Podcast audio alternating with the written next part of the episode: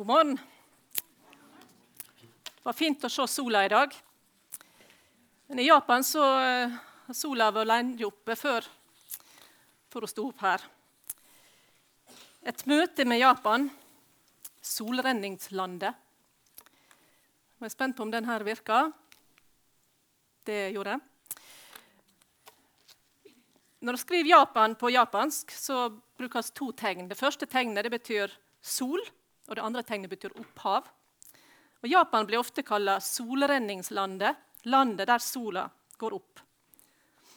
Det står ikke noe om Japan i Bibelen sånn direkte, men indirekte så har jeg funnet noe om Japan. Iallfall ja, det er min tolking, kanskje. Men se her i Salme 113. Halleluja, syng lovsang, Herrens tjenere. Pris Herrens navn. Velsigna være Herrens navn fra nå og til evig tid. Der sola går opp og sola går ned, skal Herrens navn være lova. Herren er opphøgd over alle folkeslag. Hans herligdom er høyere enn himmelen. Så dere det? Hører dere det? Der sola går opp og sola går ned. Og I 1978-utgava er det omsett til 'fra solrenning til soleglad'. Og Det samme uttrykket finnes i Salme 50. Nei Der er Salme 50. Gud over guder taler, Herren roper til jorda. Der sol går opp, og der sol går ned. Gud vil også ha japanerne i tale. Han roper til jorda, og han sender oss ut med et budskap ifra han. Vend om, kom tilbake. Japanerne er også skapt av Gud og elsker så høyt at han ga sønnen sin for deres synder, slik at de skal få komme tilbake til sin skaper og lovprise han. Og der er noen som har tatt imot Jesus som frelser også i Japan. Her i Norge så synger vi en kveldssang som heter 'Den dag du gav oss, er til ende'.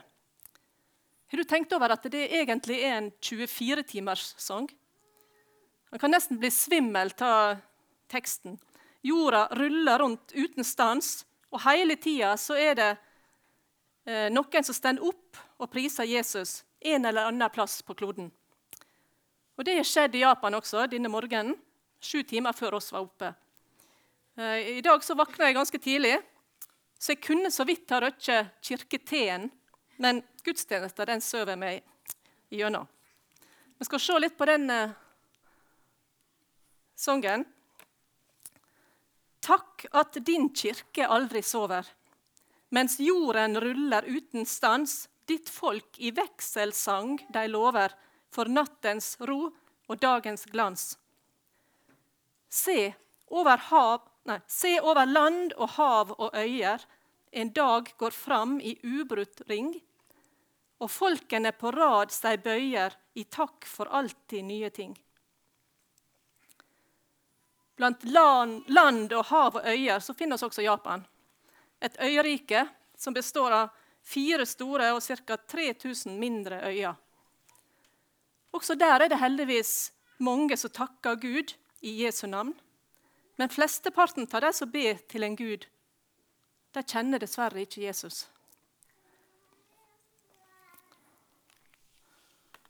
I Jesaja 42, 42,4 står det en profeti om Messias. Han skal ikke slukne og ikke bli knekt før han har sett retten igjennom på jorda.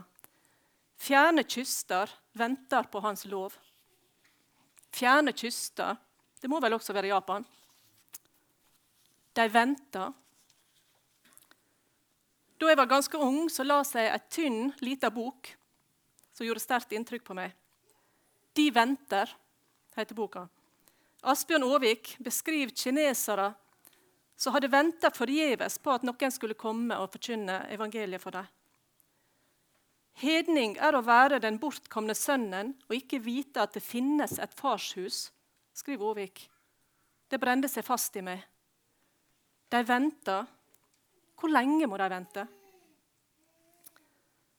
I forbindelse med 100-årsjubileet til NLM ble det skrevet og framført en misjonskantate 'Det brenner en eld'. I Japan så hadde jeg en gammel bil uten CD-spiller, så jeg hører ofte på gamle kassetter da jeg var ute og kjøre. Og En av sangene på kantata starta slik. De venter, de venter, de venter, de venter. De venter oss ikke der ute. Det er egentlig kallet at de ikke venter. Jeg har aldri opplevd å bli møtt på flyplassen i Åsaka av ukjente japanere som sier 'Å, endelig kom der en misjonær', og så venter så lenge på å få høre hvem Jesus er. Nei, de vet ikke at det der er noe godt å vente på. Det er nøda. Jesus sa at vi skulle gå. Gå til alle. Til alle folkeslag. Og så nettopp feira påske. Den tredje dagen var grava tom. Jesus viste seg for vennene sine, og han ga dem et nytt oppdrag. Lukas 24, 44-48. Så sa han til dem.: Dette var det jeg taler til dykk om medan jeg enda var sammen med dykk, at det måtte oppfylles alt det som er skrevet om meg i Moselova, hos profetene og i salmene. Så åpna han forstanden deres, så de kunne skjønne Skriftene, og han sa til dem.: Slik står det skrevet:" Messias skal lide og stå opp fra de døde tredje dagen, og i hans navn skal omvending og tilgjeving for syndene forkynnes for alle folkeslag. Det skal begynne i Jerusalem. Det er vitne om dette. I Jesu navn skal omvending og tilgivning for syndene forkynnes for alle folkeslag. Det er oppdraget. For alle folkeslag, og da er japanerne også inkludert. De har også bruk for budskapet om omvending og tilgivning for syndene. Omvending fordi at de har kommet vekk fra far sin og trenger å snu tilbake til han. Og Gud vil tilgi dem fordi Jesus tok straffa som de skulle hatt. Når de snakker om synd på japansk, så likner de ordet på ordet for kriminalitet. Derfor tenker en vanlig japaner at dette her gjelder ikke en sjøl. De fleste oppfatter seg som gode samfunnsborgere, og det er de også. Begrepet synd må forklares. At det har med en relasjon til Gud å gjøre, og at det også inkluderer ord og tanker. Jeg husker ei dame som ved å lese Salme 139 opplevde seg gjennomskua av Gud. Herre, du ransaker meg, og du veit. Du veit om jeg sitter eller står. På lang avstand kjenner du mine tanker. Om jeg går eller ligger, ser du det. Du kjenner alle mine veier. Stendig i Salme 139. Et hemmelig forhold som hun ikke hadde snakka med noen om, ble avslørt i Guds lys. Slik kan skje når Guds ord får slippe til i livet vårt. Da får vi bruk for tilgivelse. Dere skal begynne i Jerusalem, sa Jesus, dvs. Si, der oss er nå. Her er det mange rundt oss som ikke kjenner Jesus. Livet ditt kan vitne, og ordene dine kan vitne. Vi skal starte her, men vi kan ikke stoppe her. Det må ikke stoppe opp med oss. Japanerne venta. De måtte vente lenge før evangeliet kom til dem. De første som starta misjon i Japan, var katolske jesuitter fra Portugal. Skal dere få se Tror jeg. Der. En gammel og en ny misjonær. Eh, Frans Savier var den første som kom med kristendommen til Japan i 1549 ganske nøyaktig 400 år før NLM kom. Savier var fra Spania, men var sendt ut fra paven og fra kongen i Portugal. Etter to år i Japan så reiste han videre mot Kina, men døde på veien dit. Da han reiste fra Japan, så var det allerede blitt over 2000 kristne i landet. I 1570 var det 20 katolske misjonærer i Japan med senter i Nagasaki på Kyushu. Fremdeles er det flere store katolske katedraler på øya. Tallet på kristne voks, Men etter hvert ble det økende motstand mot kristendommen, delvis av frykt for europeiske kolonimakter. På starten av 1600-tallet brøt ut forfølging av de kristne, og katolisismen ble forbudt. I 1612 ble omtrent 300 000 kristne japanere forfølgde, og mange ble martyrer. Mange kristne holdt trua si skjult i denne tida, og begrepet kakure kuristan, skjulte kristne, kan også bli brukt i dag. Og landet var stengt for utlendinger i omtrent 250 år. Midt på 1800-tallet ble landet igjen åpna mot Vesten. De første protestantiske misjonærene kom til Japan i 1859 fra England og senere fra USA og andre land. Og I etterkrigsåra ble det en auke i evangelisk misjonsarbeid i Japan.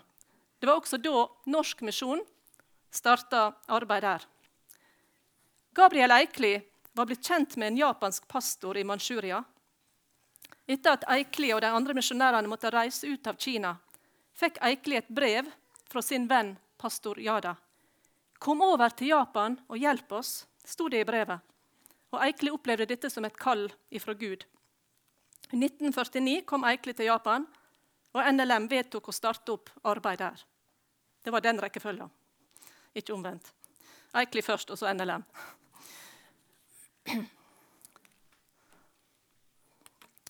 NLM arbeider fremdeles i Japan etter nærmere 68 år men vi er ikke ferdig ennå. Ut ifra NLM sitt arbeid så har det vokst fram ei selvstendig kirke, Vest-Japan evangelisk-lutherske kirke, som består av 42 menigheter med til sammen omtrent 3000 medlemmer. Det er ei lita kirke på et avgrensa område. Og Kirka ønsker fremdeles misjonærer til å arbeide i lag med seg for å nå det japanske folket med evangeliet. For her er fremdeles mye ugjort og millioner av unådde. Nå fins det heldigvis mange andre misjoner og kirker som arbeider i Japan, men Japan blir likevel regna blant de minst nådde folkeslagene. Den internasjonale misjonsorganisasjonen Team har laga ei oversikt over statusen for evangelisk misjon i Japan. Av et folketall på vel 127 millioner er det omtrent 0,5% evangeliske kristne. Totalt 7907 kirker, og med en negativ vekst på minus 0,4% Ikke så veldig oppløftende tall. Japan har religiøs frihet, og misjonærer er velkomne dit. Det japanske folk er den nest største unådde folkegruppa i verden. Det er én misjonær per 64 244 japanere. Og tallet på misjonærer har gått ned 34% i løpet av 20 år. Det er én kirke per ca. 16 000 mennesker. Og 70% av pastorene er over 50 år. I gjennomsnitt går det 35 personer i hver kirke, som har hatt en vekst på 1,2% i løpet av ti år. Det bildet som har gjort sterkest inntrykk på meg, det er dette. De gule stjernene viser 22 storbyer uten ei eneste kirke. I tillegg er det 546 mindre byer uten ei eneste kristen forsamling. På disse plassene har det ennå ikke blitt feira påske snart 2000 år etter Jesus døde og sto opp igjen. De lyseblå områdene det er der det er flest unådde. Så det er mange utfordringer. Størsteparten av japanerne de, de er buddhister og shintoister. Og disse religionene er en stor del av deres japanske identitet. Og bare omtrent 50% av kirkemedlemmene går regelmessig til kirke. Dette kan være fordi buddhismen og shintoismen ikke har faste samlinger hver uke. Kvinnene utgjør majoriteten i kirkene. De prøver å vitne for familien, som kanskje ikke aksepterer deres nye tro. Og Det japanske språket er et av de vanskeligste språkene å lære for utlendinger og er en utfordring for mange når de prøver å dele trua med disse unådde menneskene. Nå skal dere få en oversikt over eh, religiøs tilhørighet. Eh, til shintoismen er det 109 millioner som sier de hører til. Og buddhismen 96 millioner. Kristendommen 1,5 millioner. Det ser kanskje litt høyt ut, men det kanskje inkluderer alle sekter og alt som har kanskje utspring i kristendommen. Og så er det andre 10,5 millioner. Hvis vi regner ihop her, så er jeg kommet fram til 217 millioner av et folketall på 127 millioner. Hvor kan det stemme, da? Det stemmer ikke. Men i Japan så stemmer det likevel. Eh, dette viser at samme personene kan kjenne tilhørighet til mer enn én religion. Mange har ikke noe problem med å praktisere flere religioner, siden hver religion gir fordeler i ulike faser i livet. Sannhetsverdien i hver religion kommer i andre rekke. Det er ikke uvanlig at en japaner er innom minst tre religioner i løpet av livet. Gjennom barnevelsigning i Shinto-tempelet, bryllup i kirka og buddhistisk gravferd. En eldre japaner jeg kjenner, sa det slik.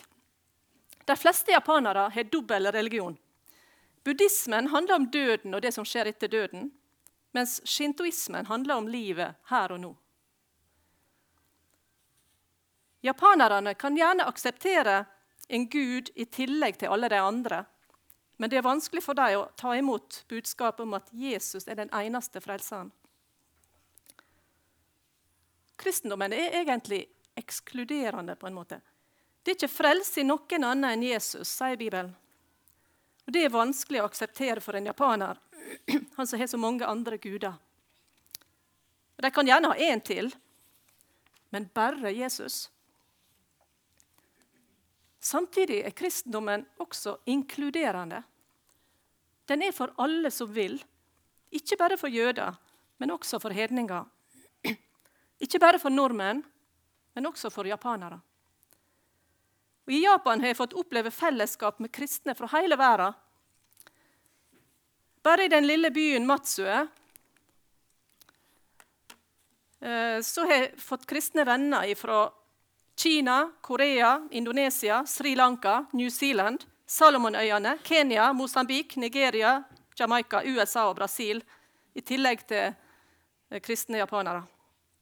For det meste er dette studenter eller engelsklærere.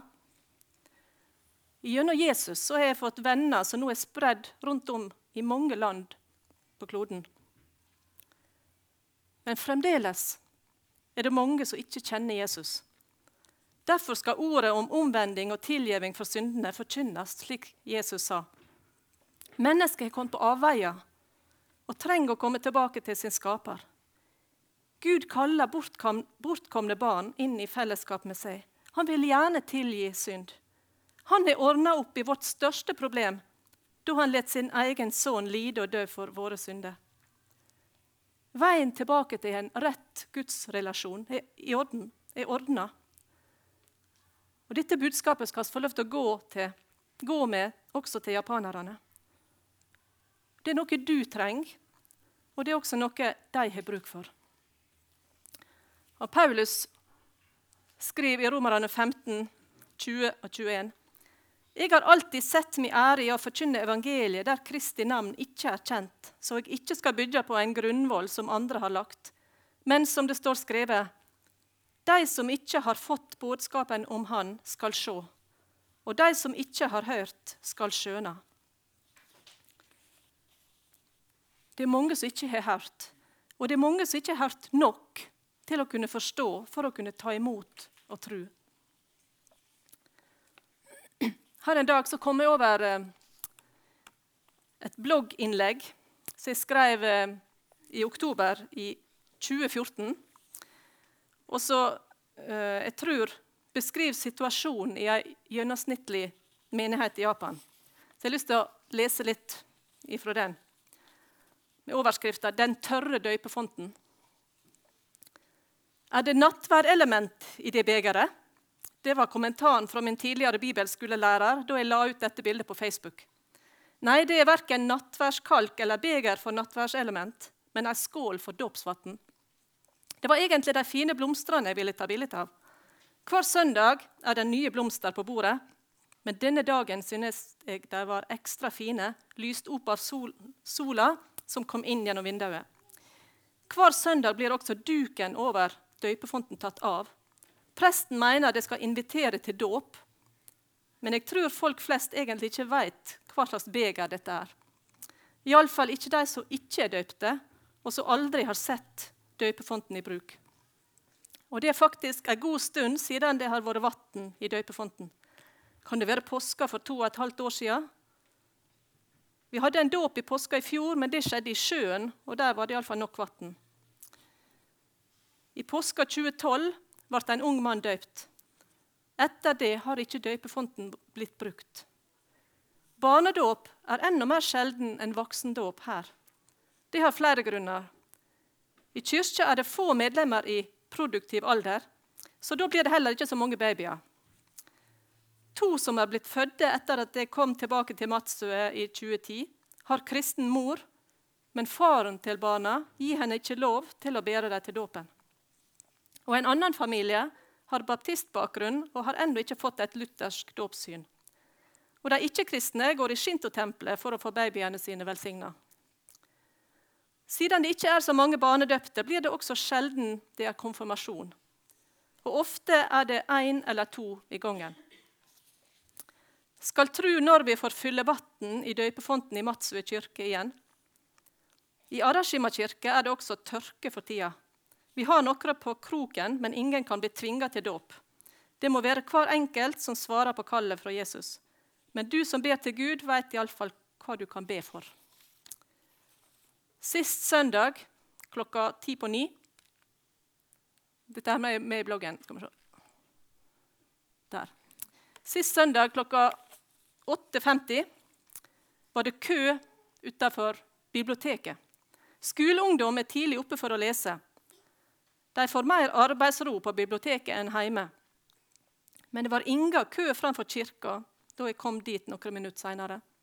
Da det skulle være søndagsskole og tenåringsklasse. Så langt bloggen. Litt pessimistisk, litt negativt.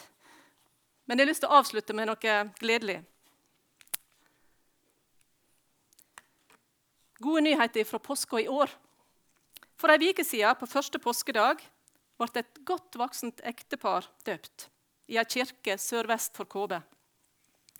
De har sett på datter og svigersønn som er kristne.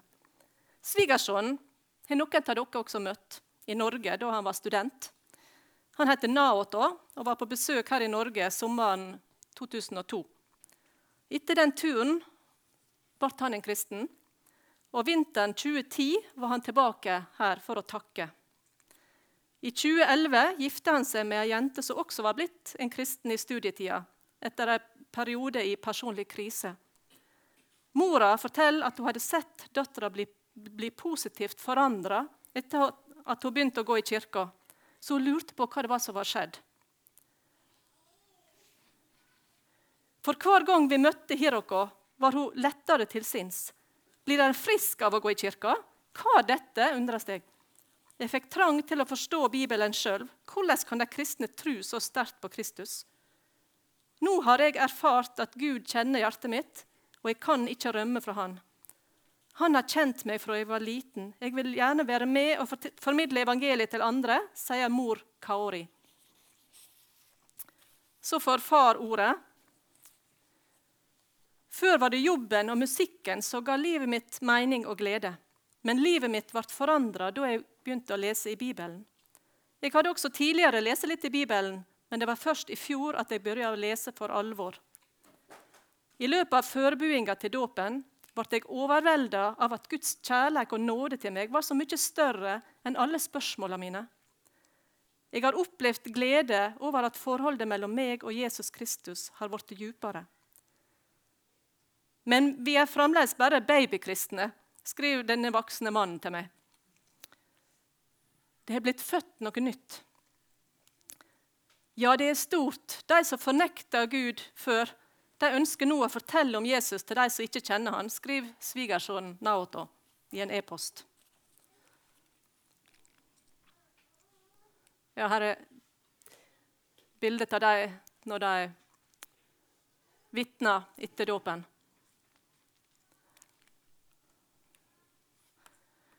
Jesaja 42, 10. Syng for Herren en ny sang, en lovsang for Han, fra endene av jorda, det som ferdes på havet, og alt som fyller det, det er kyster og alle som bor der. Og til slutt Johannes' åpenbaring 7, 9 og 10. Deretter så jeg en flokk så stor at ingen kunne telle han, av alle folkeslag og etter, av alle folk og tungemål. De sto framfor trona og lammet, kledde i hvite klede, med palmegreiner i hendene. Og de ropa med høy røyst, Sigeren kommer fra vår Gud, Han som sitter på trona, og fra lammet. En flokk så stor at ingen kunne telle han, til alle folkeslag og etter, alle folk og tungemål. Der skal også japanerne være med. Og la oss be om at det må bli en så stor flokk som mulig. Vær lovet, Gud, ditt herrevelde skal dekke hver en plett på jord. Og hvitt og fritt det skal få gjelde at du og bare du er stor. Amen.